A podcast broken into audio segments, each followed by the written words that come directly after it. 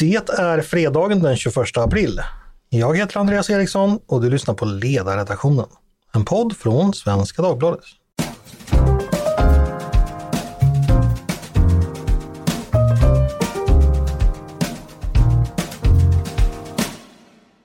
Hösten 1939 började bilmotorer oförklarligt explodera runt om i Europa.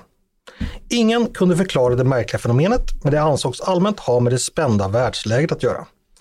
För det talades i dessa tider allt oftare om krig, om spänningar mellan länder, om mobiliseringar, gränskränkningar och invasionshot. De exploderande bilmotorerna blev med sin gåtfullhet och slumpmässighet ännu en del i denna spända tids hotande ovisshet.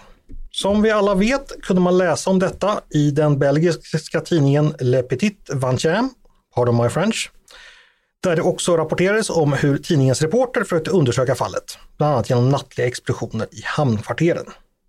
När spänningen ökade ytterligare beslöt samma reporter att inkognito ansluta sig till besättningen på oljetanken Speedo Star med destination Haifa i det brittiska mandatet Palestina. Inbäddad journalist skulle jag säga idag. Väl på plats lyckas reporten avslöja att det verkar pågå elakt spel i regionen. Utländska intressen agerar för att ta kontroll över oljehandeln och en mystisk man vid namn Müller verkar vara djupt insyltad i det hela. På sin jakt efter Müller fastnar reporten dock i en sandstorm i öknen och den sista rapporten hem till Bryssel verkar allt vara förlorat. För nu är vi framme vid maj 1940 och kriget når slutligen Belgien. Tyska trupper rullar in över gränsen och pansararméerna rycker fram genom Ardennernas skogar på sin väg mot kusten.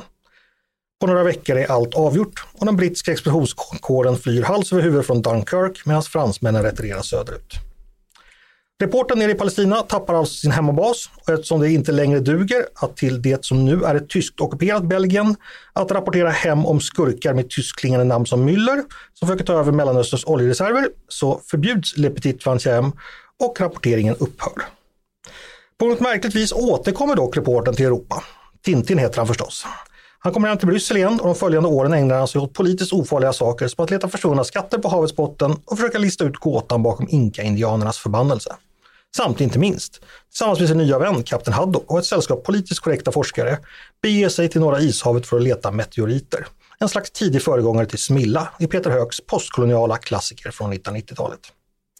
Men säg det som varar för evigt.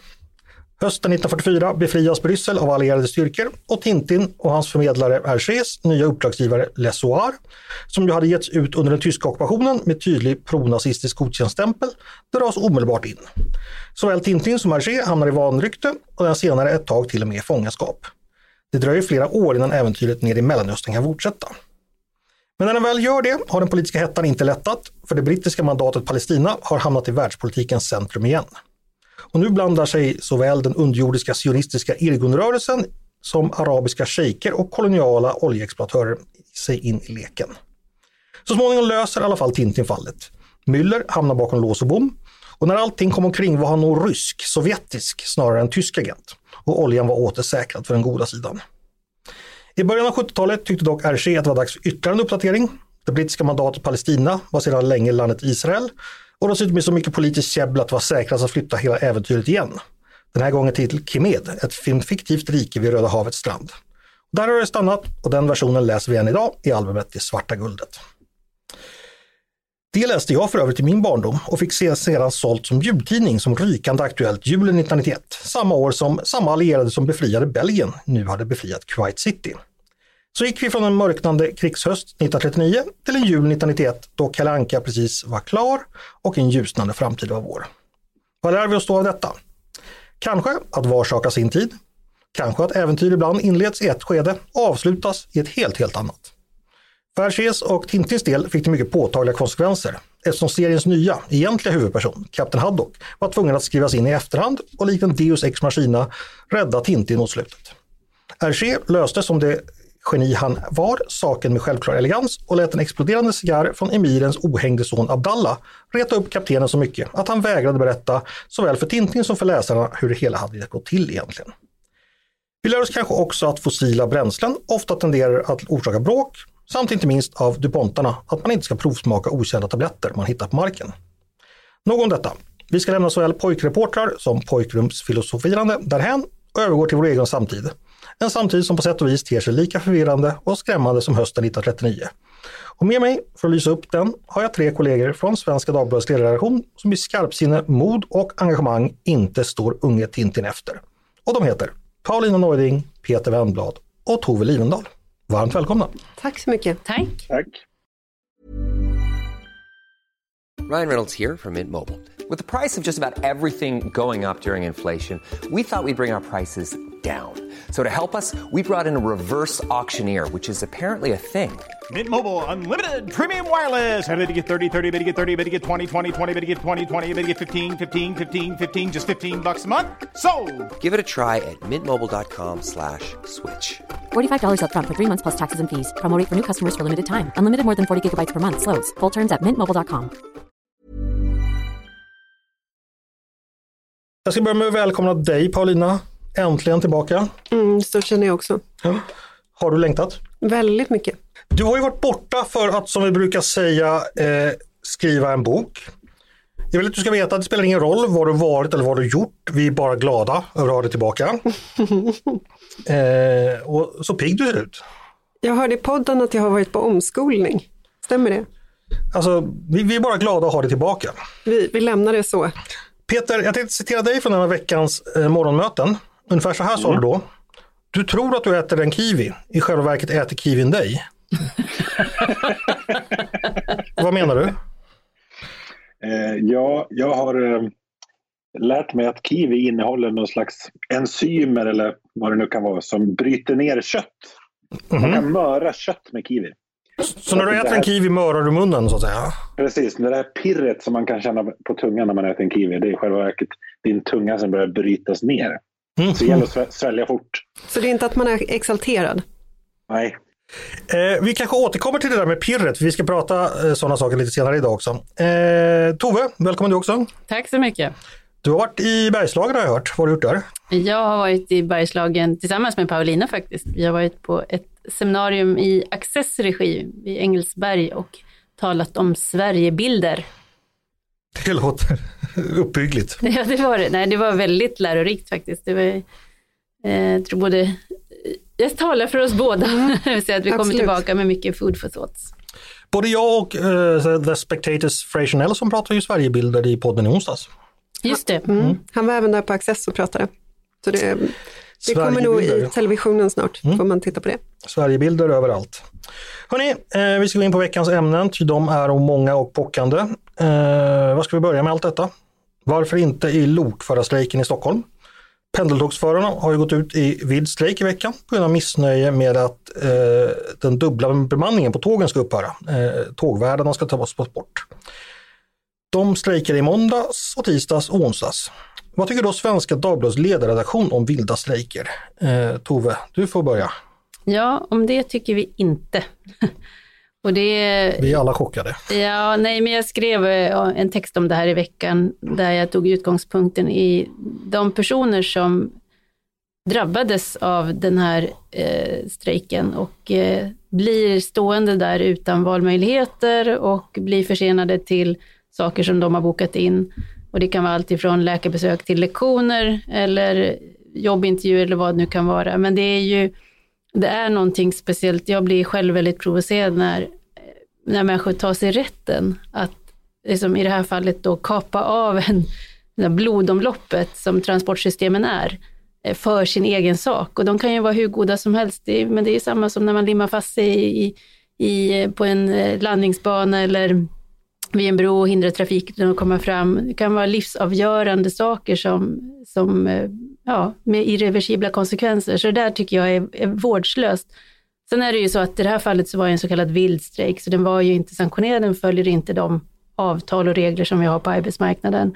För sådana strejker som är så här, by the book, de varslas i god tid så man hinner ta höjd för att det inte ska uppstå en massa sådana konsekvenser. För att inte precis fråga, det lät ju som att du tyckte illa om strejker inom transportväsendet generellt. Nej, men det är därför vi har en ordning och därför den ska följas. Därför att har man då varslat, då hinner man se till att inte människor blir ställda på gatan. Och i det här fallet så satte man sin egen sak för att gå den vägen som faktiskt finns, nämligen att man har man kan organisera sig och driva sin sak där, men man hade ju inte facket med sig. Mm. du skriver ju också att det här med, det är en liten bisak det här, men, men det här med att ensambemanning, eh, det finns ju, det, det är ju liksom inget orimligt orimlig idé. Det finns ju på väldigt många håll runt det, om. Det gör det och mm. du sa inledningsvis att var sak har sin tid och så är det ju också med hur vi organiserar tågtrafik. Jag satt och tittade på, eh, på Wikipedia finns en jättebra, eh, ja den är inte komplett men det finns ändå ganska många, en utblick där man kan se och att ja, men i Danmark har man haft det här systemet sedan 78 mm. och vi uppfattar inte det som ett land där det är, är, är vilda västern. Tyskland, Spanien, Frankrike, i Londons tunnelbana har man kört det i 23 mm. år. Eh, tågen runt Washington, Los Angeles, Chicago. Så att det är ju så att vi har olika system men det är också alltid en naturlig reaktion att när jobb försvinner så blir det starka protester.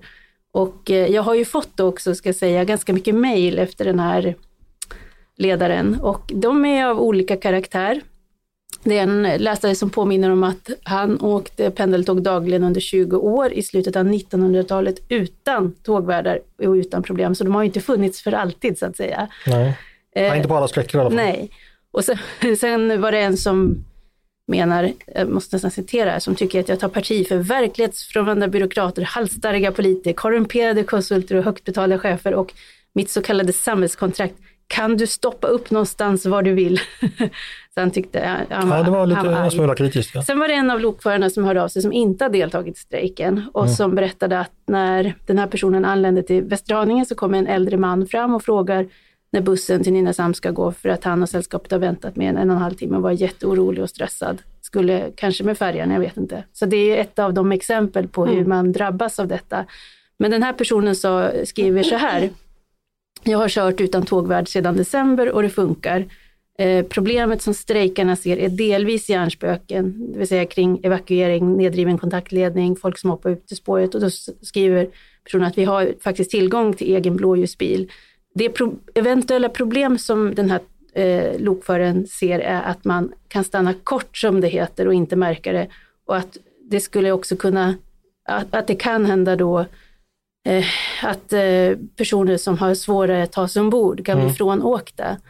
Eh, och, men, men slutsatsen blir att man tillskriver de här tågvagnarna för stor betydelse. Så det, ja, det har kommit olika sorters reaktioner. Ja, men det, är väl klart, någon nytta gör ju såklart tågvärdar och då får man ju då fundera på om det är värt eh, pengarna och de resurserna som, som det krävs. Och då har ju då MTR och regionledningen bestämt att det inte är värt de här 140 miljonerna eller vad det är. Eh, så att ja, det är ju helt enkelt en, en avvägning man gjort där. Sen tänker jag också en sak som börjar, börjar bli så slående tycker jag när man pratar om situationer när någon kan ha svårt att komma på tåget och sådär. Det är som om medmänniskor inte fanns. Att vi förväntar oss allting som ska göras i samhället som har med på och avstigning med tåg, det måste liksom själva tåg mm. tågarrangören står för. Men vi finns i ett civilsamhälle också. Vi behöver inget socialt skyddsnät för vi har ju välgörenhet. Du tänker så? Nej, jag tänker inte riktigt jag skojar, så. Jag, jag skojade lite. Ja, men du ser, jag blir så provocerad. eh, nej men okej, eh, bara för att inte vi ska få, få tågmänniskor på oss. Vi är medvetna om att pendeltågen har lite speciella förutsättningar jämfört exempelvis med S-tåget i Köpenhamn som då är ja. betydligt kortare tåg och går på egen ban, egna banor. Pendeltåget i Stockholm går mest på egna spår men går också med annan trafik, alltså eh, X3000-tåg som blåser förbi väldigt snabbt. Mm. Eh, och de är ju också så att de är väldigt stora Stockholms pendeltåg. Ett fullsatt pendeltåg, vet du hur många personer de tar? Två X60 tar eh, 1800 personer, så det, det kan bli ganska trångt. Men som sagt, S-Bahn i Berlin och Reer i Paris och så vidare, de kör ju ensambemannade. Jag ska släppa in Peter här, för jag, jag har noterat en sak som jag tyckte var intressant som jag skulle vilja höra din kommentar på. Mm. Kommentarerna från vänster tycker jag har varit förvånansvärt, ja, kanske inte positiva, men de har i alla fall inte varit fördömande. Jag menar, en vild strejk, det är ju att runda facket, det är ju att arbetsorganisationen blir meningslös. Ett fack som inte kan besluta om stridsåtgärder ska upphöra, de, varför ska man förhandla med dem då? Eh, de blir ju relevanta. Är det inte märkligt att liksom folk från vänster inte tycker det är ett problem? Eller jag vet inte om du har lagt märke till samma sak? Ja, och nej. Alltså, den rödgröna ledningen i Stockholm har ju ändå varit ganska resolut. Det är väl liksom Vänsterpartiet då möjligen som har... Ja, men jag tänkte ledarsida kommentarer och sådär. Ja, men jag tror det ligger lite... Alltså, för vänstern så sitter det väldigt långt inne att att vara emot ett uppror. Mm. Jag tror att den, den reflexen är, eh, den är rätt grundläggande. Okay. Nej, för jag tänkte det, här, det, som jag säger att vilda strejker på sikt underminerar arbetarorganisation. Så är det väl ändå? Tänker jag. Ja, absolut, så är det. Mm. Nej, för jag tänkte som Nikodemus sa till Erik i Hedeborna att det är lite det är lite mer, eh, vad är det han säger? Eh, det är lite bättre att strejka tillsammans med kamraterna än att liksom bara vägra gå till arbetet en dag. Men nu, nu hoppas jag på att det här kan utvidga sig till flygtrafiken. För jag måste ju ändå säga att värdarna på flygplanen är ju mer meningslösa än värdarna på tåget. Okej, okay, så du vill att de ska strejka? Nej, att vi ska avskaffa dem. Ja, okej. Okay. okay. Paulina, har du strejkat någon gång? Inte vad jag kan minnas. Mm. Eh, Tove? Eh, jag får erkänna, jag drar mig till minnes nu en, någon form av eh, Thunbergsk yttring på lågstadiet med slagorden Vi vill ha vår snöhög kvar på Arbroskolan. Mm. så att jag vet inte om vi strejkade, jag tror, jag tror inte vi utblev från en lektion, men vi gick runt på skolgården och skanderade i alla fall. Men du representerar ju snarare arbetsgivarsidan nu. Har du lockoutat någon gång? Eh, nej, det har jag nog inte behövt göra. Mm. Även när Mattias svär som mest över sina och har tekniska problem, han löper inte risk att bli lockoutad. Då, då tar jag på mina mobilhörlurar och lyssnar på fin musik. Ja, och ger honom en kaka. Och är han glad. Ja, men det om strejken då. Eh, jag är som sagt lite orolig för rörelsen. Jag tror de har kulturkrigat sig så mycket som de har glömt bort vissa fundamenta i, i arbetsmarknadskampen. Men, men eh, vi får hoppas för deras skull att de inte har det. Vi ska gå vidare. Eh, Paulina, du är som sagt tillbaka och det med besked. Du har inlett en ny, ska vi kalla det seriell granskning mm. eh, av ett nytt område. Som du tidigare gjorde med eh, det här biblioteksstöket exempelvis. Mm. Eh, den här gången gäller det skolan och det du kallar analfabetisering. Eh, vad säger du? Har du hittat något lika, lika eländigt som biblioteksstöket igen? Eh, jag skulle säga att det här är en värre skandal därför att det handlar om själva rätten till alfabetisering. Och att eh, det började med att jag granskade digitaliseringen av den svenska skolan eh, och kunde se att barn eh, ägnar väldigt mycket tid framför sina datorer med allt vad det gör med koncentrations eh, tiden att få öva sin koncentrationsförmåga, sitt minne och sitt fokus och så vidare. Eh, men sen så började jag titta på specifikt det här med skrivande och eh, svenska lågstadiebarn idag, de får alldeles för lite tid att träna sig i att skriva. Mm, för hand alltså? Ja, precis. Och eh, datorerna tränger ut handskriften väldigt, väldigt tidigt. Mm. Och pratar man med lärare så kan de berätta att ja, men barn som kommer från det här specifika lågstadiet, de kan inte skriva när de kommer till mellanstadiet, för de börjar så tidigt med datorer. Eh, så, så, att det finns de här extremfallen, men över hela linjen så kan man säga då att svenska lågstadiebarn, de kan inte skriva ordentligt. Och sen så kommer mellanstadiet och så kommer datorerna mer och mer och mer. Eh, och sen när man då pratar med gymnasielärare så berättar de om hela skolklasser som skriver som eh, lågstadieelever brukade skriva i Sverige. Mm, okay. eh, så att själva ja, rätten till alfabetisering mm. är plötsligt ifrågasatt i den svenska skolan. Vi ska återkomma, eller prata mm. mer om det. Jag ska bara säga, du har hittills skrivit, är det två texter du har skrivit? En som publiceras idag va? Ja, den här veckan har det varit två stycken. Det har varit eh, tisdags och eh, nu på fredagen. Ja, bara så folk mm. vet var de kan hitta den texten. Precis. Eh, nästa fråga då, vems fel är det här? Ehm, det är mångas fel. Ehm, dels så, ja, man började ju fasa ut skrivstilen i den svenska skolan redan 1975. Så att det här är en process som har pågått ganska länge. Men sen så, det stora problemet är ju digitaliseringen. Ehm, den genomfördes i stor skala av Gustav Fridolin. Sverige skulle bli världsledande på digitalisering. Man hade en idé om att eh, det handlade om jämlikhet, alla skulle få tillgång till en skärm. Mm. Idag så vet vi ju att den stora jämlikhetsfrågan är ju om du får skärmfri tid överhuvudtaget under din uppväxt. Mm. Um, så att, eh, och det här har man genomfört på ett helt extremt sätt. Så och det har gått ganska snabbt, för Fridolin blev skolminister 2014, så det är de senaste... Precis, ja. så att det är liksom, vi har eh, minskat så pass mycket på handskriften så att man, man kan inte längre säga att svenska barn lär sig att skriva för hand. Och det är en ganska stor förändring. Vi har en lång tradition av litteracitet i Sverige eh, bland den breda allmänheten och plötsligt på några år så, så är det här kraftigt underminerat. Mm. utan debatt, utan att vi egentligen har förstått vad, vad det är som har hänt. Men bara, så jag fattar, lärarna får helt enkelt instruktioner om att vi ska inte träna hand, eh, handstil. Nej, så är det inte, utan man säger att man ska kunna både och. Men problemet, saken är den att handskrift tar väldigt lång tid att lära sig. Det är en komplicerad process för både hjärnan och handen och man måste ha tid att göra det här. Och sitter man då och säger att datorn är lika viktig och att datorn allt mer får, får dominera, ja, då får du inte utveckla handskriften. Och då handlar det om att forma bokstäver, veta hur du skriver eh, ord, hur du stavar, eh, veta hur du bygger en mening, veta hur du bygger ett stycke, veta hur du bygger en hel text. Alltså det här tar ju flera, flera år, så som du gjorde för oss, som det fick göra för oss. Men om du måste stanna upp hela tiden och fundera, hur stavar man bröllop? Eller liksom, vad, vad, egentligen, hur, vad ska vara i subjektsform och vad ska vara i ob- objektsform i den här satsen? Då, då är, förblir liksom skrivanden, no, skrivandet någonting främmande och någonting som är jobbigt och som du gärna undviker. Jag köper ett resonemang helt och hållet när det gäller digitalisering och att man, det är bra att skriva för hand. Men jag fattar inte det här med skrivstil. Varför ska man lära sig skriva skrivstil för? Eh, För det första är det en annan fråga.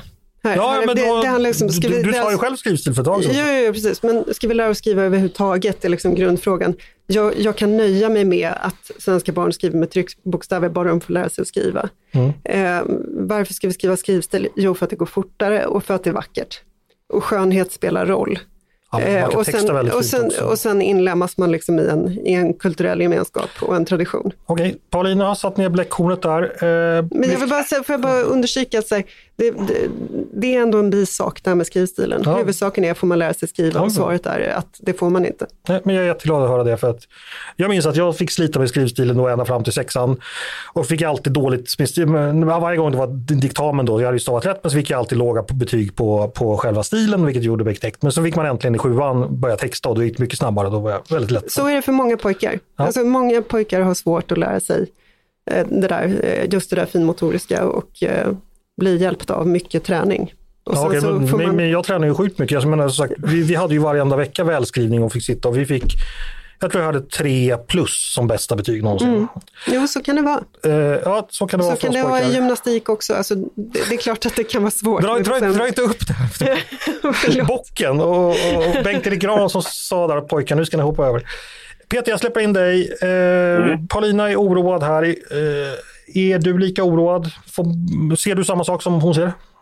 Jag, jag är lika oroad över att eh, svenska barn, eller så många svenska barn, inte har ett språk.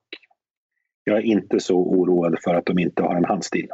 Okej. Så kan man väl, kan man väl sammanfatta det. Eh, vad, vad, vad, man, man klarar sig utan att skriva för hand, tänker du? eller? Mm, nej, det, det gör man väl. Alltså, det är klart att det är, är bra att, att skriva för hand, men jag tycker att Paulina i sina mycket läsvärda texter ändå liksom slirar lite med begreppen. Alltså huruvida det handlar om om problemet är språket eller handstilen.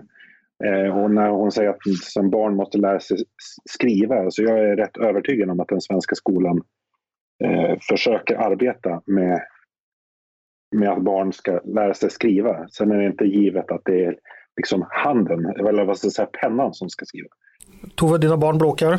Vem favoriserar du här? Det blir, det blir eh, ett antal timmar sedan att sitta och välskriva. Nej, men jag är ju rätt mycket team Paulina i den här frågan och det är väl, det är väl också man ser egna barn att de, det som, det är mer övning i att framställa powerpoints än att skriva text. Eh, och det, är- jag, och det är väl det här, jag, jag får känslan att vi liksom kastar ur barnet med badvattnet, att det finns en Eh, vilket ju också, så vitt jag förstår, det har kommit forskning på att det finns, då, det finns liksom saker som händer med lärandet och lärprocessen när du skriver för hand. Eh, och vilket skiljer det från när vi sitter och skriver med dator och sådär. Så att jag tänker att här finns det någonting som gick för fort och blev för ogenomtänkt. Mm, Okej, Paulina? Jag har ju fått jättemycket meddelanden med bilder på handstil. Eh, och bland annat då en, en god vän i Tyskland som skickade en bild på sin eh, släkting Noah, åtta år, som skriver så som man alltid har skrivit i Tyskland. Alltså, han skriver med hjälp av stödlinjer, en, en dikt som i sig är väldigt komplicerad. Eh, och sen så har jag fått sjuåriga Louisa i, i Bryssel som skriver med en klassisk fransk handstil, nioåriga Maja i Polen och sen så har jag liksom lagt dem bredvid varandra och det ser ut som en progressionstrappa ska se ut och har sett ut i Sverige. Eh, alltså att du, du börjar så smått och sen så blir det bättre och bättre och skriver längre och längre stycken.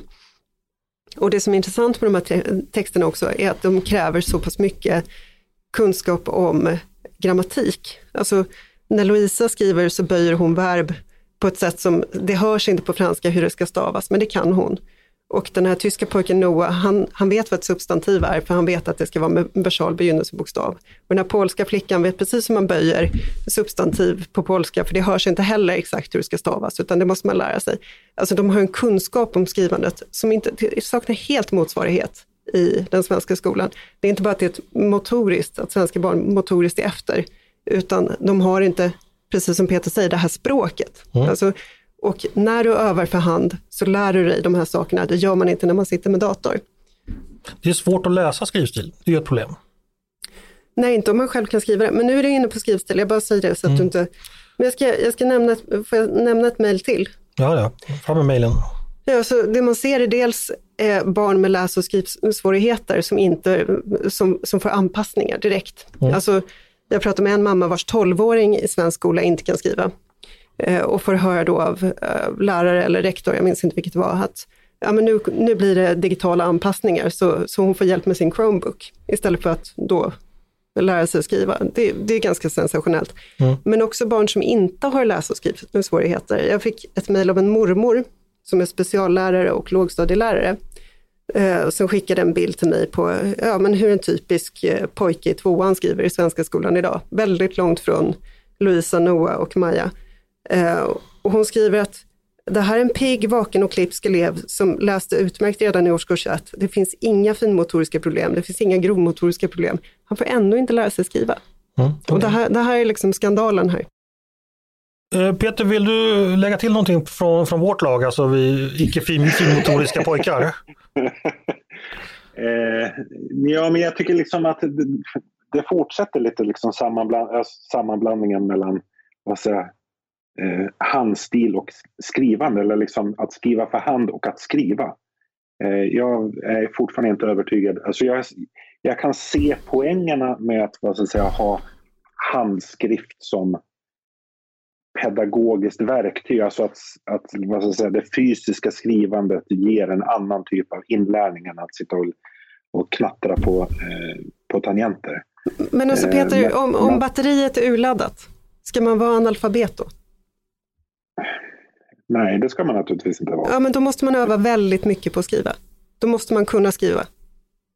Ja, men det, det är som allting annat i, i, i, både skolan och i livet i övrigt. Alltså allting är ju en, en avvägning mellan, mellan olika saker. Alltså jag tycker att för min del så, så tycker jag att liksom språk, språket och skrivandet är det liksom primära. Eh, och sen så är ju vad säger, vilken väg till skrivande som är den mest effektiva, det är ju i grunden en empirisk fråga. Ja, och empirin är jättetydlig. Att handskrift och språk är väldigt intimt kopplat till varandra. Och, och liksom, vi, vi, kan ju diskutera om vi ska avskaffa förmågan att skriva i den svenska skolan. Jag skulle vänta lite med det tills man har empiri som säger att det, det, det, det är inte är någon fara. Och, och, vi har ju liksom motsatt empiri. Det illustrerar ju något att du får digitala mejl med digitala bilder från mormödrar. Ja, men vet du vad? Vet du vad? Jag, jag har ju gått i skolan och kan skriva. Så för mig är det inget problem att skriva på, på dator.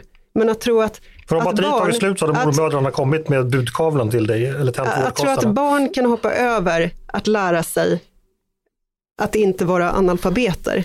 Det, det, är, liksom, det, det är ett ganska speciellt krav. Nu släpper jag in Tove. Ja, nej men jag, jag, skulle också separera dem och säga, precis som både Paulina och Peter varit inne på, att skrivstil är en, en extra fråga och, och, så, och jag tycker det är viktigt att man, man kan uttrycka sig i skrift, man kan ta in skrift man kan uttrycka sig i skrift. Eh, och sen behöver inte det vara sammanbundna bokstäver, även om, det, om man lär sig tekniken och är hemma med den så kanske det går fortare, men för det gjorde det inte det Andreas. Mm. Det, men däremot så är det ju så att det blir ju även det språk i språken, alltså skrivstilen är också ett eget språk och det är ju, har du, har du inte lärt dig skrivstil så kommer du heller inte att kunna läsa skrivstil. Så det innebär att vi i, i det fallet inte kan kommunicera med varandra. Men däremot så klart, då, då får vi kanske göra det digitalt då. Men, men det är ju... Men, eh, men alltså att läsa skrivstil, det är ju lite grann som att läsa runor. Alltså. Mm. Så är det ju, tyvärr. Och jag kan, och då kan jag ändå skriva skrivstil.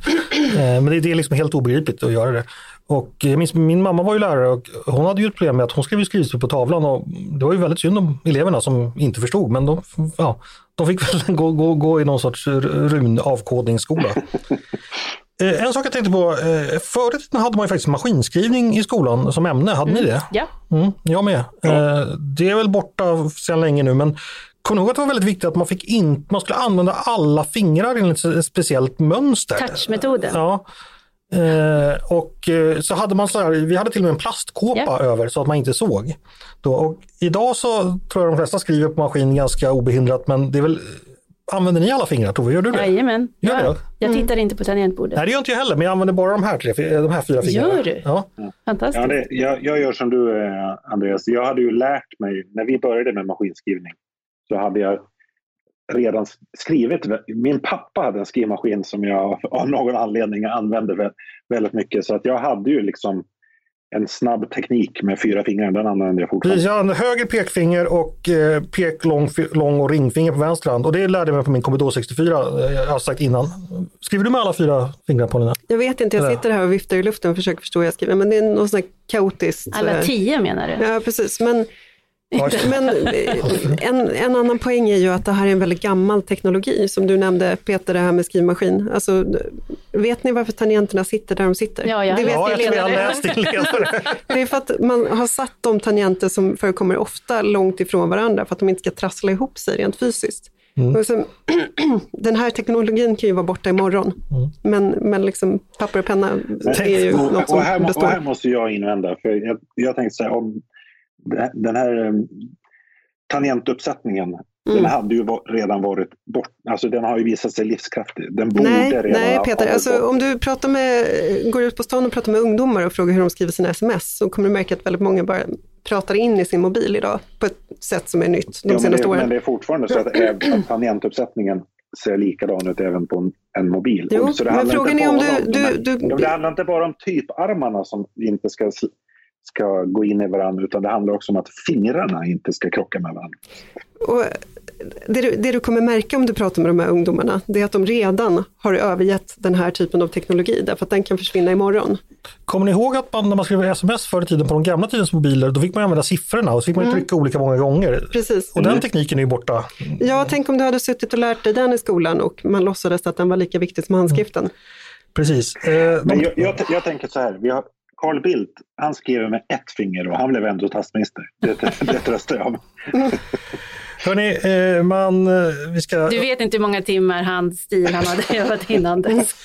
Sista frågan Tove, kommer ledarredaktionen övergå till präntade pergament? Jag och Paulina kommer naturligtvis att ha det som en extra grej. Budkavle skickas ut, rid i natt så kommer de hem till prenumeranterna. Och på tal om budkavle, Andreas, så måste jag bara berätta apropå vår senaste diskussion att nu har kommit besked medan vi satt här att skyddsombuden för ST Pendeln har beslutat att stoppa ensamarbete för lokförare i pendeltågtrafiken i Stockholm. Så från och med nio på måndag så får inte operatören MTR köra om tågen enbart är bemannade med lokförare. Det var Det det. lär, väl bli någon slags rättslig process kring det här skulle jag tro. Det får vi tro. Hörni, vi fortsätter. Eh, tänkte gå till Peter. Eh, Mm. Vill du prata om Johan Perssons orgasmer eller svensk gasberoende? Eh, Nej, vi börjar med gasen. Ja. Eh, du har ju i veckan eh, på sidan hyllat den svenska, eller den europeiska strategin här. Det var rätt att inte tokstoppa gasen, skrev du. Eh, Då kan man ju säga så här, om man vänder på det lite elakt. Varför var det rätt att fortsätta köpa gas från Ryssland och pumpa in pengar i deras krigskassa som mördar civila i Ukraina? Du, du ställer frågor på ett väldigt svårt sätt, Andreas. Jo, men du förstår ju vad jag menar. Ja, jag förstår. det. Alltså, så här, det, var, det var en självklar moralisk reflex när kriget bröt ut eh, förra vår, eller i februari i fjol att vilja stoppa eh, den ryska gasen omedelbart. Och vi har, men som alltid i handel är ju ett ömsesidigt beroende. Och om man st- stoppar handel så det drabbar båda parter men det kanske drabbar den ena parten lite värre. Och jag tror att hade vi tokstoppat den ryska gasen så hade det drabbat oss värre än det hade drabbat Ryssland. Därför att vi hade inte fått någon gas överhuvudtaget. Medan de stigande gaspriserna hade inneburit att Ryssland ännu ändå hade fått pengar. Istället valde vi valde då Sverige och EU en mer långsiktig strategi att liksom egentligen fasa ut gasen så fort som möjligt men utan att det drabbar oss själva och alltså den europeiska sammanhållningen. Jag tror hade vi haft en liksom akut gasbrist eh, i höstas inför vintern så hade ju den europeiska sammanhållningen börjat krackelera redan då. Men vi har, vi har hållit ihop. Vi har haft tur med vädret. Nu är de europeiska gaslagren mer välfyllda än vad jag tror de någonsin har varit vid den här tiden på året. Det ser väldigt bra ut inför nästkommande vinter. Samtidigt som hela liksom gasmarknaden ställer om så att det finns gott hopp om att, vad ska jag säga, gasmarknaden ska ha balanserat sig om ja, två, tre år kanske. Och, när vi, och då kan vi vrida av, av kranen till Ryssland helt, vilket vi nästan har gjort. Jag tror att det är 20 procent av, eller det är inte vi som har gjort det. Nå, någon har sprängt Nord Stream, Ryssland mm. har skruvat av lite kranar. Men det är typ 20 procent av inflödet till, till EU jämfört med före kriget. Men, men vad har vi, bortsett från det att vi har, det har sprängts lite ledningar och sådär, var får vi gasen från nu? Vad har vi byggt eller vad har vi ställt om rent konkret som har ändrat sig? Eh, vi har importerat flytande, alltså man, det finns ju rörgas och det finns flytande naturgas. Och mm. vi har ju skiftat rörgas mot flytande naturgas som skeppas från framförallt USA och Gulfstaterna och lagras i stora tankers i eh, europeiska hamnar. Så att vi har ökat importkapaciteten i hamnarna. Så Tyskland har smält upp någon pir i Bremen och eh, vad det nu är. Så att just nu är det en, liksom en större flaskhals egentligen utskeppningskapaciteten i då USA och Qatar till exempel. Medan vi kan ta emot, det ser bättre ut när det gäller mottagandet. Och när köper vi, när betalar vi sista ruben för rysk gas? Eh, 2025. Mm. Okej, okay. så det, det är på gång helt enkelt?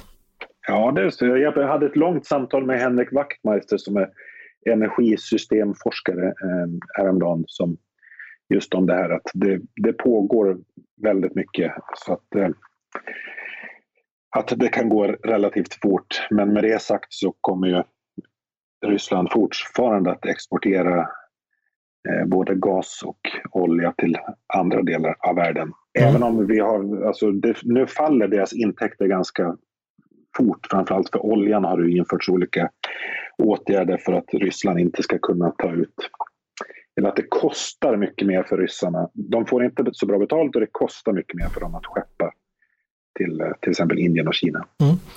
Eh, det här låter väl ganska bra, eller vad säger du Tove? Ja, det tycker jag och det är ju där, jag vet att vi hade den diskussionen uppe här i podden också, mm. om jag inte minns fel.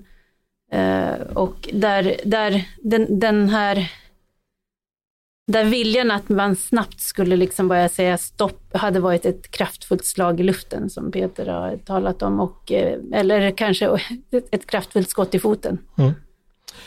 Eh, tack för den rapporten från, från gasmarknaden Peter. Eh, vi ska gå vidare.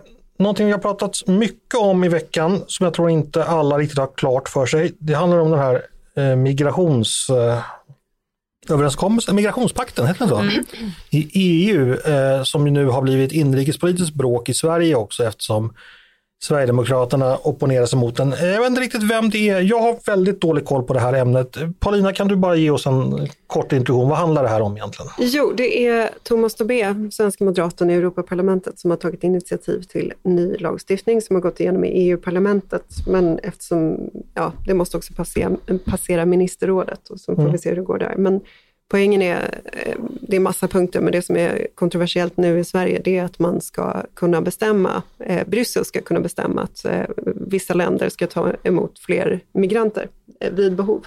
Vi får alltså en europeisk fördelning helt enkelt av? Ja, och det är någonting som gränsländerna i EU eh, har drivit. Eh, och det finns ju två problem med det. Det ena är materiellt, vad, vad, liksom, vad blir själva innebörden för oss? Kan vi tvingas ta emot fler migranter? Det är liksom mm. det ena. Och det andra är själva beslutsnivån. Varför ska migrationen hamna i Bryssel på det här sättet? Eh, och eh, när Sverigedemokraterna kritiserar det här, då är det liksom den andra nivån de pratar om. Det ska inte ligga i Bryssel för vad som helst kan hända. Och när eh, migrationsministern svarar på det här så har hon lagt sig på den förra nivån och hon säger att ja, det här är bra för det här kommer inte... Okay. Eh, så att, eh, eller nej, hon har, förlåt, jag ska inte säga att hon har sagt att det är bra, men hon har sagt att det här kommer inte...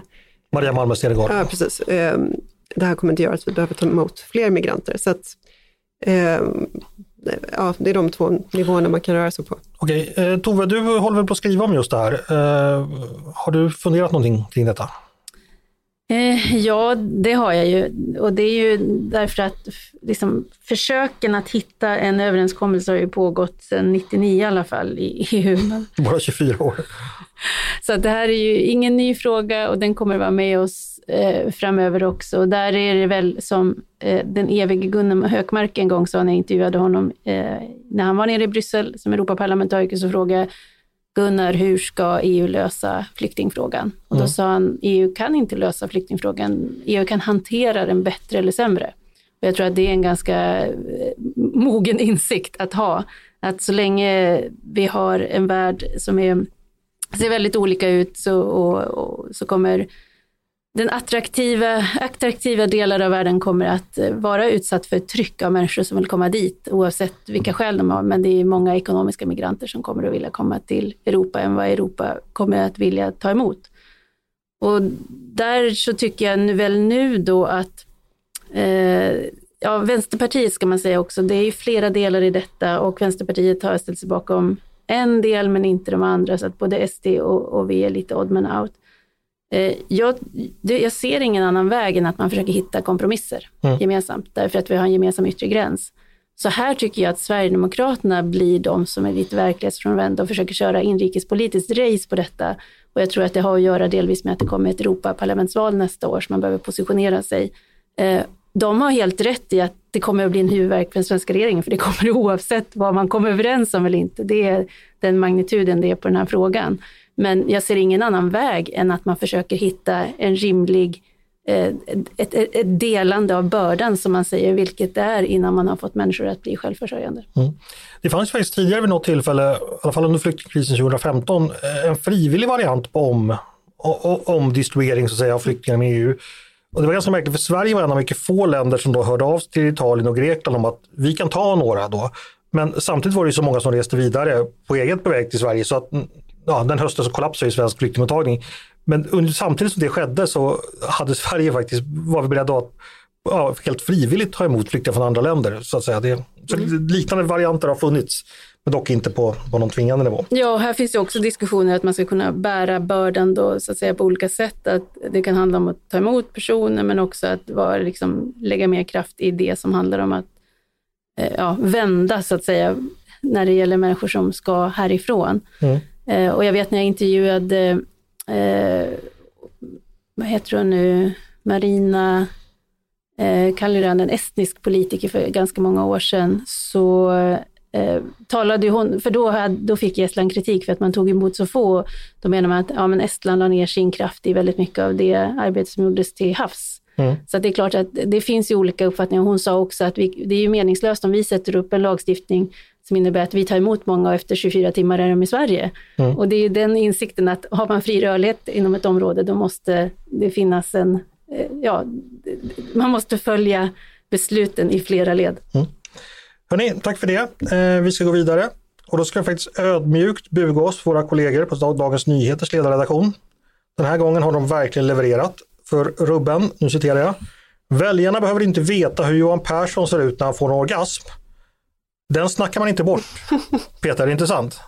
Det är, det är rubrikkonst ja. i den högre skolan. Det är mästerligt, det är bara att buga och applådera. Ja, det, är, i eh. alla fall, det är i alla fall rubrikkonst för oss som är skolade i, på en kvällstidning. Att det, det, där, det där är trafikdragande. Ja, precis. Och vi, vi som har lite problem med finmotoriken så vi, vi, vi inte riktigt skriver så bra skrivstil. Jag tycker i och för sig, det är Amanda Sokolnicki som har skrivit där. Hon har ju helt rätt, tycker jag. Intressant. Någon måtta får det väl vara på vilka privata delar politikerna visar upp. Eller vad säger kvällstidningsdjävulen inom dig Peter? Vill du bara ha mer? Nej, alltså jag, jag tycker att det här är eh, ovärdigt. Eller, och jag har svårt att förstå varför eh, politiker har så, eller många politiker har så svårt att dra gränsen tidigare för sin personliga integritet. Alltså man har ju man har ju svårt att se att Hjalmar Branting skulle ha, eller någon, någon annan statsman skulle ha, ha suttit och fört samma typ av samtal. Nej, nej det blir, men, men även liksom, det här är ju väldigt nytt. Det är inte ens heller 1900-talets, det sena 1900-talets politiker var väl så. Eh, Paulina, varför tror du eh, det finns en gränslöshet eller man har svårighet att värja sin integritet som politiker i Sverige? Förväntas man, tror de att det förväntas av dem? Jag tror att man försätts, man, man hamnar i en situation där man har liksom eh, blivit fartblind på något sätt. Mm. Jag, jag försökte undvika att höra det här citatet, men sen så hörde jag det ändå när jag hade radion på. Mm. Eh, men eh, alltså när det gäller Folkpartiet, jag kan fortfarande inte komma över deras logga. Jag, jag, är liksom, jag är fortfarande där på något Ja, okej. okej. Eh, ja, var och en gör ju sina associationer. Eh, Tove, är det, om vi ska bli allvarliga, är det ett problem att politikerna inte håller värdigheten? Ja, Mm, okej. Varför? därför att eh, ponera eh, nästa gång landet kommer in i en stor kris, eh, gud förbjude lastbilsattack, men, eller väpnat anfall eller någonting, en stor nationell kris där det krävs samling. Då vill du i ett sånt läge inte ha den här, du vill inte ha förknippat de personer som ska leda oss förtroendefullt genom sådana lägen med den här sortens aspekter. Så jag tycker att de, de knaprar på ett förtroendekapital som de måste vara rädda om. Apropå värdighet, hade du tillåtit den här rubben som jag och Peter precis hyllade? jag hade sagt den är inte SvD-mässig. Eh, och man kan ju, nu är det ju så här att i det här fallet så, och jag, jag skrev ju en liten kort text om detta idag, eh, med tog det från den humoristiska sidan, försökte se en slags linje i den här liberala förblessen för, för fokus kring Ljumsktrakten. Eh, men man kan ju, både i det här fallet och med företrädaren Lars Leijonborgs famösa intervju för länge sedan, eh, där är det ju deras ansvar att se till att nej men jag, jag ska inte vara i sammanhang där jag får de här frågorna. Och det kan man ju faktiskt ställa som villkor. Eh, det, finns en, det finns en tidigare exempel på hur man kan agera. Carl Bildt fick kritik för att han stormade ut från en intervju när det ställdes frågor om analsex. Och då valde han att gå. Och jag tycker att det var rätt. Eh, Paulina, kommer du ihåg eh, en gång på neotiden jag skrev någon liten notis om att det har blivit populärt med en speciell sorts amuletter i Nigeria eh, som då infertila män hade för att öka produktionen av spermier. Kommer du ihåg vad jag gjorde med den notisen? Jag satte rubben Nigeria satsar på amuletter, eh, vilket du omedelbart strök. Eh, står du fast för det? Var det inte så att vi ställde hela notisen? Ja, det var det säkert. Ja. Eh, nej, nu får det bli ordning och reda här. Vi ska gå vidare. Eh, eller Peter, har du någonting att tillägga om ovärdiga politiker? Ja, alltså kanske ovärdiga rubriker. För jag vet att vi, vi har ju båda jobbat på Neo. Jag, vet- jag rubriksatte ju en text om, om eh, franska presidenters ovana att ha älskarinnor med att det rycker i baguetten. Det var jag ju själv mycket nöjd med. Och det citatet är ju hämtat från, från en stor tänkare, nämligen Robinson Jochem. Var det, va? Jochen. Mm. Ser du med, med hur mycket mer finess Peter gjorde det där? Ja, verkligen. Hörni, vi ska vidare. Och då ska jag faktiskt ta lite information från poddredaktören. Eh, och det gäller det här med ljudet. Jag får med jämna mellanrum, nästan ja, en gång i veckan kanske, klagomål på ljudkvaliteten. Och det gäller då främst inbjudna gäster som är på distans. Eh, vilket vi då ofta, väldigt, väldigt ofta har.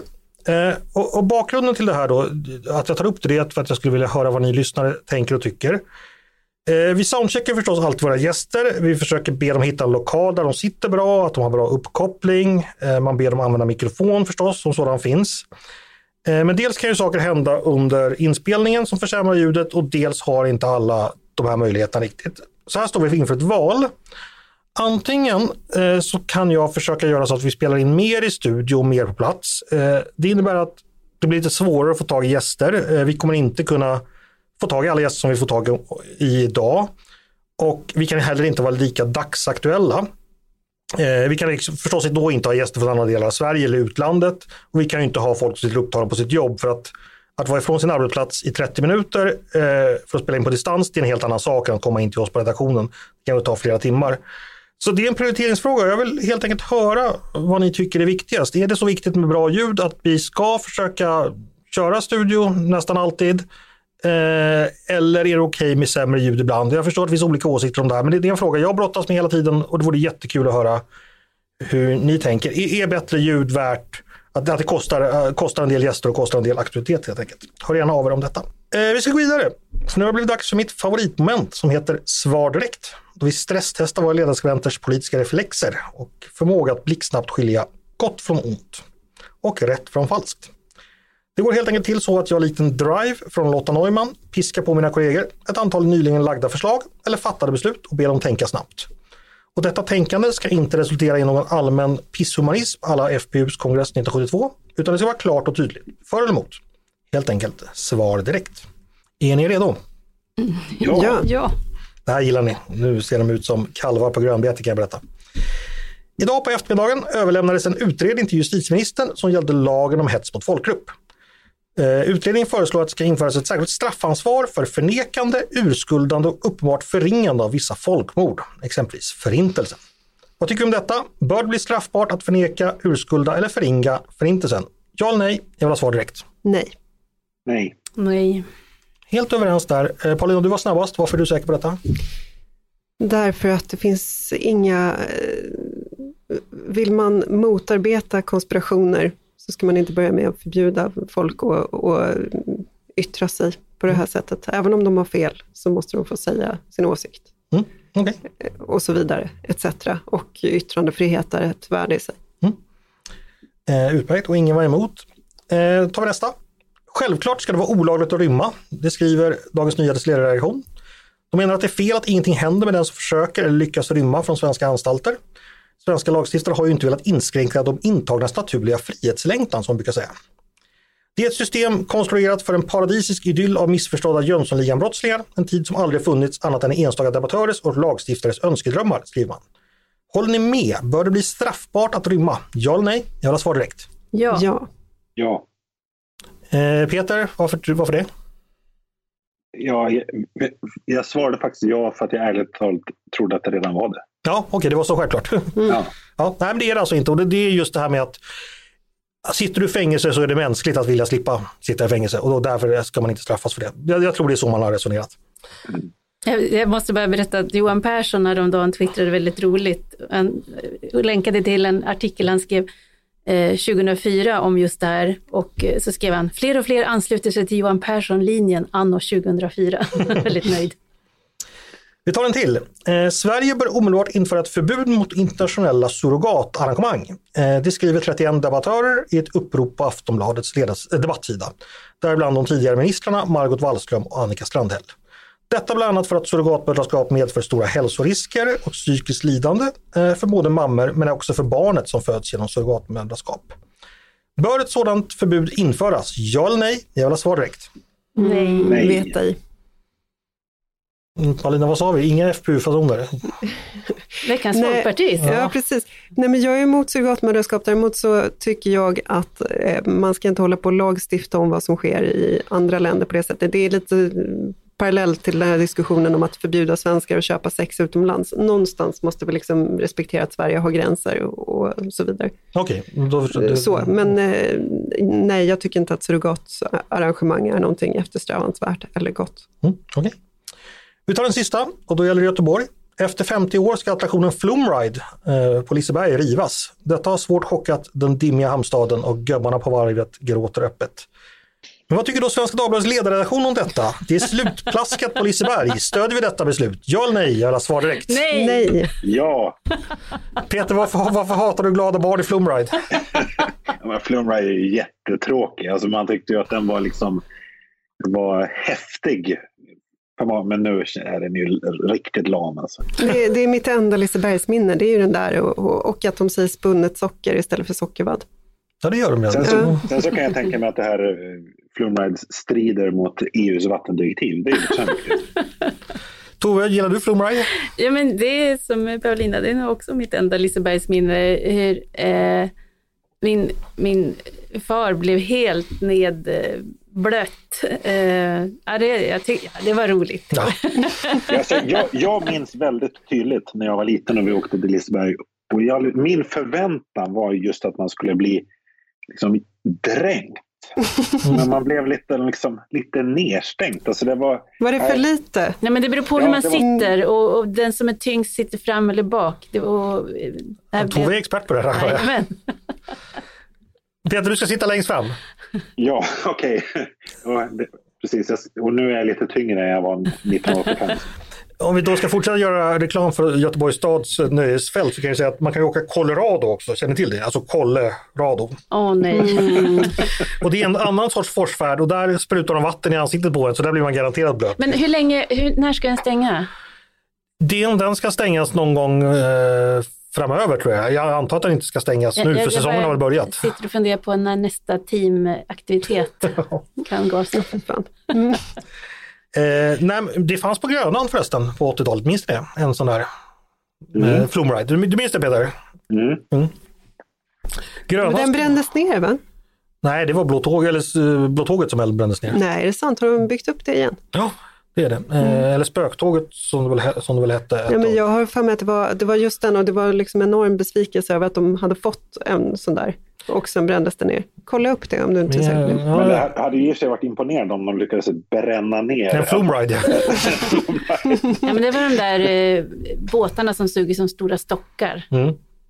Precis. Eh, angående Gröna Lund så har ju de äntligen fått tillstånd efter sju sorger och åtta bedrövelser att bygga ut på andra sidan eh, Allmänna gränd. De har ju den här parkeringsplatstomten då som, som stoppades väldigt länge av, av diverse fanatiska organisationer har äntligen fått. Så de kommer snart bli större. Eh, men hörni, det ska vi lämna nu för nu är det dags att gå vidare. Det är dags för mitt favoritmoment, nämligen det vi kallar Är du smartare än en ledarskribent? Känner ni till det?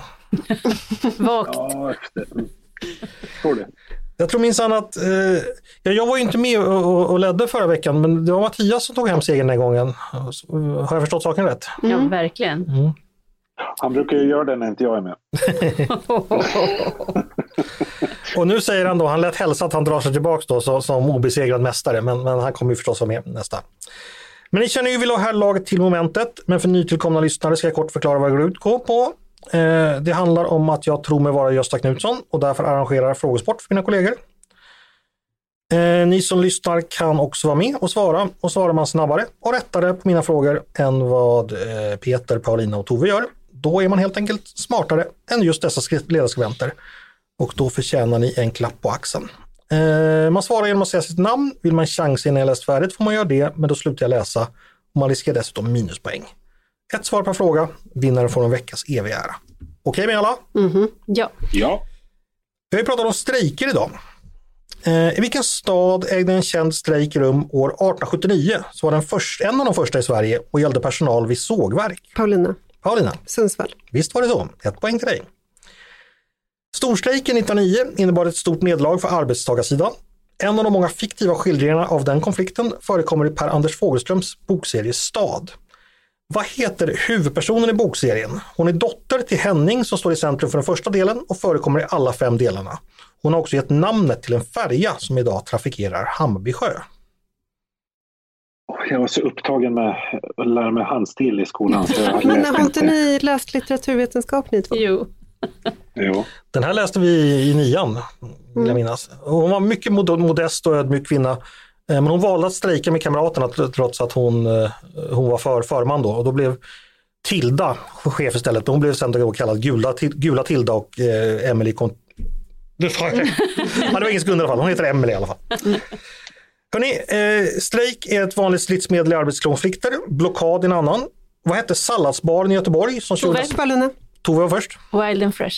Ett poäng till dig också. Strejk, strejk, strejk. Eh, strejken, eller på engelska The Strike, var också arbetstiteln på en känd idénroman från 1957.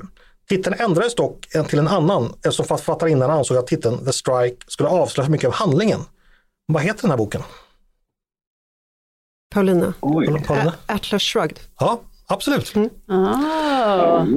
Eh, som då handlar just om en strejk. Eh, att världens briljanta intellektuella ledare strejkar. Jag tänkte, eftersom Mattias är borta var det okej att ta den idag. Exakt. Ja, du kommer få en guldstjärna Mattias. Ja. Två poäng till, till Paulina, ett till Tove. Peter, är du vaken där borta? Ja, försöker. Om strejker. Eh, vi hoppar över till Robert Smith som faktiskt fyller 64 år idag. Grattis till dig. Då ska vi förstås prata musik. The Cures debutsingel från 1978 heter Killing an Arab.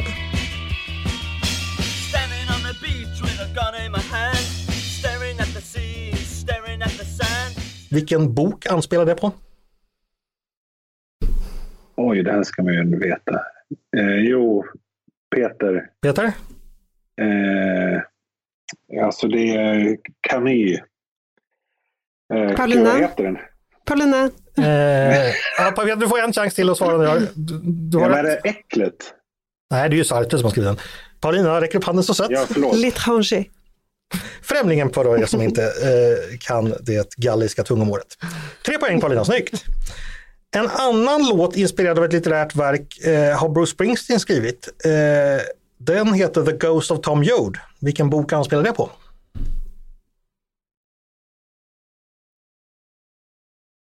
Jag Joad. också vetat. Jo, Peter. Peter? Eh, det är eh, Steinbeck, va? Vredens druvor. Grapes of Wrath. Absolut, snyggt, ett poäng. Eh, mer The Cure. Eh, Boys Don't Cry heter ju en känd låt som de har gjort. Eh, också namnet på en känd amerikansk film från 1999 som skildrar mordet på en amerikansk transman 1993. Vad hette han? Alltså transmannen som blev mördad. Har ni sett den? Fantastisk film. Lebby. Ja, den är väldigt otäckt. Ringer inga klockor? Nej. Inte på det. Brandon Tina hette han. Eh, jag rekommenderar verkligen den filmen, men den är eh, grymt deprimerande också. Det är mycket Nebraska kan man säga. Tre poäng Paulina fortsatt och ett poäng till övriga. Eh, vi går vidare eh, från denna mycket sorgliga men sevärda film. Mer musik. Idag har Anneli namnsdag. Vem sjöng Vakna nu, Anneli? Eh, Åh, Peter. Peter? Vad kan du... Han heter Magnus i förnamn. Kanske han gör. Ja. ja, det här har jag tagit på quiz. Nej, jag måste tyvärr eh, passa. Aj, aj, Men han heter Magnus. Någon annan som gissar? Finns det inte en Magnus Carlsson? Kanske det gör, men det var fel. Uggla? Magnus Johansson hette han. Så heter jag. Vaknade någonsin Anneli? Var det någon som fick det klart för sig? Hörrni, den vackra sången eh, den utspelar sig i Norrköping eh, som också är Magnus Johanssons hemstad. Vilken färg har spårvagnarna där? Paulina? Paulina? Nej. Eh, de är gröna. Det är de inte alls det. Nej, det är bussarna i Malmö. Tove, Tove? får vi gissa, eller hur? Ja. Röda. Det är de inte heller. Peter, du har inte så många färger kvar nu? eh, blå. Nej, men de är gula. Har ni aldrig, har, har ni aldrig varit i Norrköping? Jo, jo, Jo. jo. Men Och inte åkt spårvagn uppenbarligen. Eh, ja, inga poäng delas ut där, vi fortsätter. Eh, idag är det 31 år sedan Väinö Linna lämnade oss, så blir det mer litteratur. Han skrev en berömd trilogi om en finländsk släkt från 1800-talet fram till 1950-talet. Två av titlarna i denna trilogi är hämtade från en annan berömd finländsk författare. De heter Högt bland Sarjärves moar och Söner av ett folk som blött. Vem är författaren till dessa? Eller rader?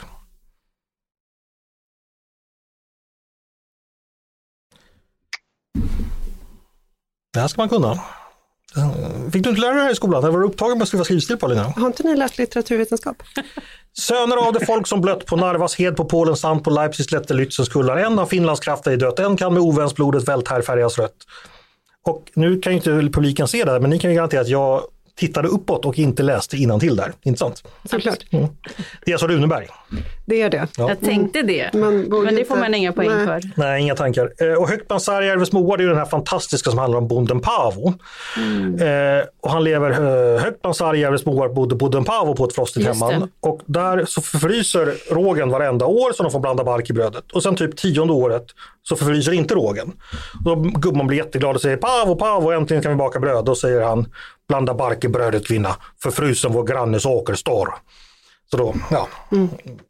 Eh, moralen är då att man- ska dela med sig. Det är himla dystert. Varför odlar de aldrig något annat som inte förfrös? Varför odlar de inte meloner och persikor? Sa Maria Antoinette. Eh, vi fortsätter, ingen poäng till. Eh, Peter han har pratat gas idag. Vad är egentligen naturgas för någonting till 95 procent? Peter. Peter? Metan. Det är det verkligen, två poäng.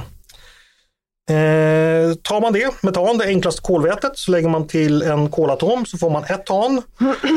Och eh, hydroxidderivatet av etan, det vill säga när man lägger till en väteatom, eh, eller man tar bort en väteatom och lägger till en hydroxidgrupp, det vill säga en väteatom och en syratom, OH.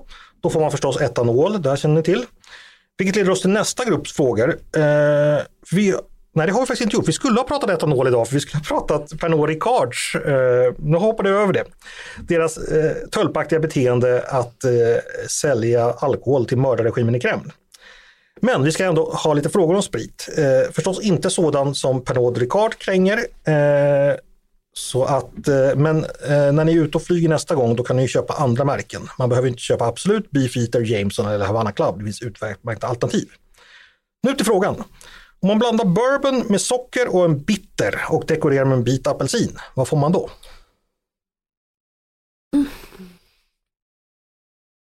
Bourbon, socker, Angostura bitter och apelsin på toppen. Mycket känd. Ja, det heter någonting ja. Eh, nej, Nej, ingen kan. eller kan man gissa? Ja, du får gissa. Den är, nej, det är väl apelsin. Jag tänkte sidecar. Old fashion heter den. Ja. Den här då, om man blandar vodka, Cointreau, limesaft och Tove. tranbärsjuice. Tove? Eh, Cosmopolitan. Absolut, då är du också på två poäng. Banan, melon, kiwi och citron. Vad får man då? No, no, groggen var väl god. Eh, en gammal svensk klassiker, man blandar punsch och konjak, vad får man då? Svårt. Paulina slår ut med armarna. Eh, man får guldkant. Det har jag aldrig hört talas om faktiskt. Nej, det är delikat Bra namn. faktiskt. Eh, Jag har, ju, har några mycket, jag har en mycket god vän som har arbetat som bartender som har introducerat massor sådana här saker för mig genom åren. Hörni, en annan som fyller år idag, det är Andy McDowell. 65 blir hon, grattis. När hon i slutsedeln av fyra bröllop och en begravning bekänner sin kärlek till Tom Hanks levererar hon en fullkomligt värdelös replik som Till inleds... Hugh Grant. Ja, det är det förstås. till Hugh Grant levererar hon en fullkomligt värdelös replik som inleds med It's still raining. Vad säger hon sedan? I denna värdelösa replik. Eh, Tove? då- Isn't it? Nej. Is it still raining? Frågetecken. Då säger man en sak till. Eh, Det är någonting som att jag har inte märkt det. Eller någonting sånt där. Det har jag inte märkt. Ja, det var rätt, men då har du redan gissat. I haven't noticed. Ja, den är faktiskt obegriplig. Ja, den är riktigt dålig. För att hon är fullkomligt genomblöt. Eh, hon har tydligen på YouTube gjort så här skämt med den att när hon står i snö så här, is it snowing? så det kan man kolla. Eh, Paulina leder fortfarande, vi närmar oss slutet här. Eh, sista frågan. Eh, vi lämnar regnet till förmån för dagens högtid, eh, Id al-Fitr. Eh, I helgen är det ju dags att bryta den muslimska fastan och fira Id. Eh, att fasta under Ramadan, en av de som brukar kallas islams fem pelare. Nämn en annan. Paulina, Paulina, zakat, vilket betyder att man ger, eh, eh, donerar till eh, allmosa. allmosa. Ja. Snyggt Paulina, då tog du hem segern. Tack så mycket. Hur känns det? Välförtjänt. Ja, Trevligt. Ja, det var det faktiskt. ja det var snyggt och eh, behövde inte använda min utslagsfråga. Ja, vad bra. Eh, men, men Tove, nu glömde vi bort här med Pernod Ricard. Vill du säga någonting om det? Fördöma dem lite. Ja, jag kan fördöma dem. Gör det. Absolut. Nej, men de, har, eh, de borde tänka på vad de gör Eh, och fundera på vad de vill gå till historien som i detta läge. Och nu är det ju så att de har ju då Absolut eh, Company har ju tack vare trycket då, då eh, gentemot de vill inte utsätta sina anställda för obehag, så det är skälet till att man stoppar den ånyo påbörjade exporten till Ryssland. Och det visar ju att man inte riktigt förstår innebörden i kritiken. Man tar bara säger att det här blir lite obehagligt för oss. Men sen finns det, precis som du var inne på, en massa andra märken som fortsätter att exporteras. Eh, och eh, där kan man väl Eh, bara påminna sig om, vilket jag gör i en text imorgon, där det också finns en rolig, eller rolig är det ju inte, men det är en historisk ironi som en av våra läsare har delgivit oss, som jag återger i texten imorgon, men också en påminnelse om att här är ett bra läge att använda sin eh, makt man har som, som aktör på marknaden. Och eh, det finska systembolaget har faktiskt nu märkt eh, produkter från Pernod Ricard med eh, leverantörens namn och då kan man ju välja att välja bort dem. Mm, men det är väl alldeles utmärkt, då får det bli rekommendationen till, till lyssnarna att ska ni ta er en bläcka i helgen så gör det med andra produkter. Paulina, kul att ha dig tillbaka. Tack för att jag fick komma tillbaka. Mm. Ha en trevlig helg nu. Detsamma. Tove, som alltid, kul att ha dig här. Det är aldrig lika roligt att vara här. Nu skulle Mattias vara med, han tycker om sådana där skämt. Peter slutligen, jättetack för att du var med. Stort tack själv. Tack till er som har lyssnat också på Ledarredaktionen. En podd från Svenska Dagbladet. Ni är varmt välkomna att höra av er till redaktionen med tankar och synpunkter på det vi precis har diskuterat. Eller om ni har förslag på det vi ska ta upp i framtiden. Och glöm inte bort det där med eh, frågan om ljudet, hur ni tycker vi ska prioritera där. Eh, I samtliga fall så mejlar man till ledarsidan snabla svd.se. Dagens producent, han heter som alltid Jesper Sandström. Jag heter som alltid Andreas Eriksson och jag hoppas som alltid att vi hörs snart igen.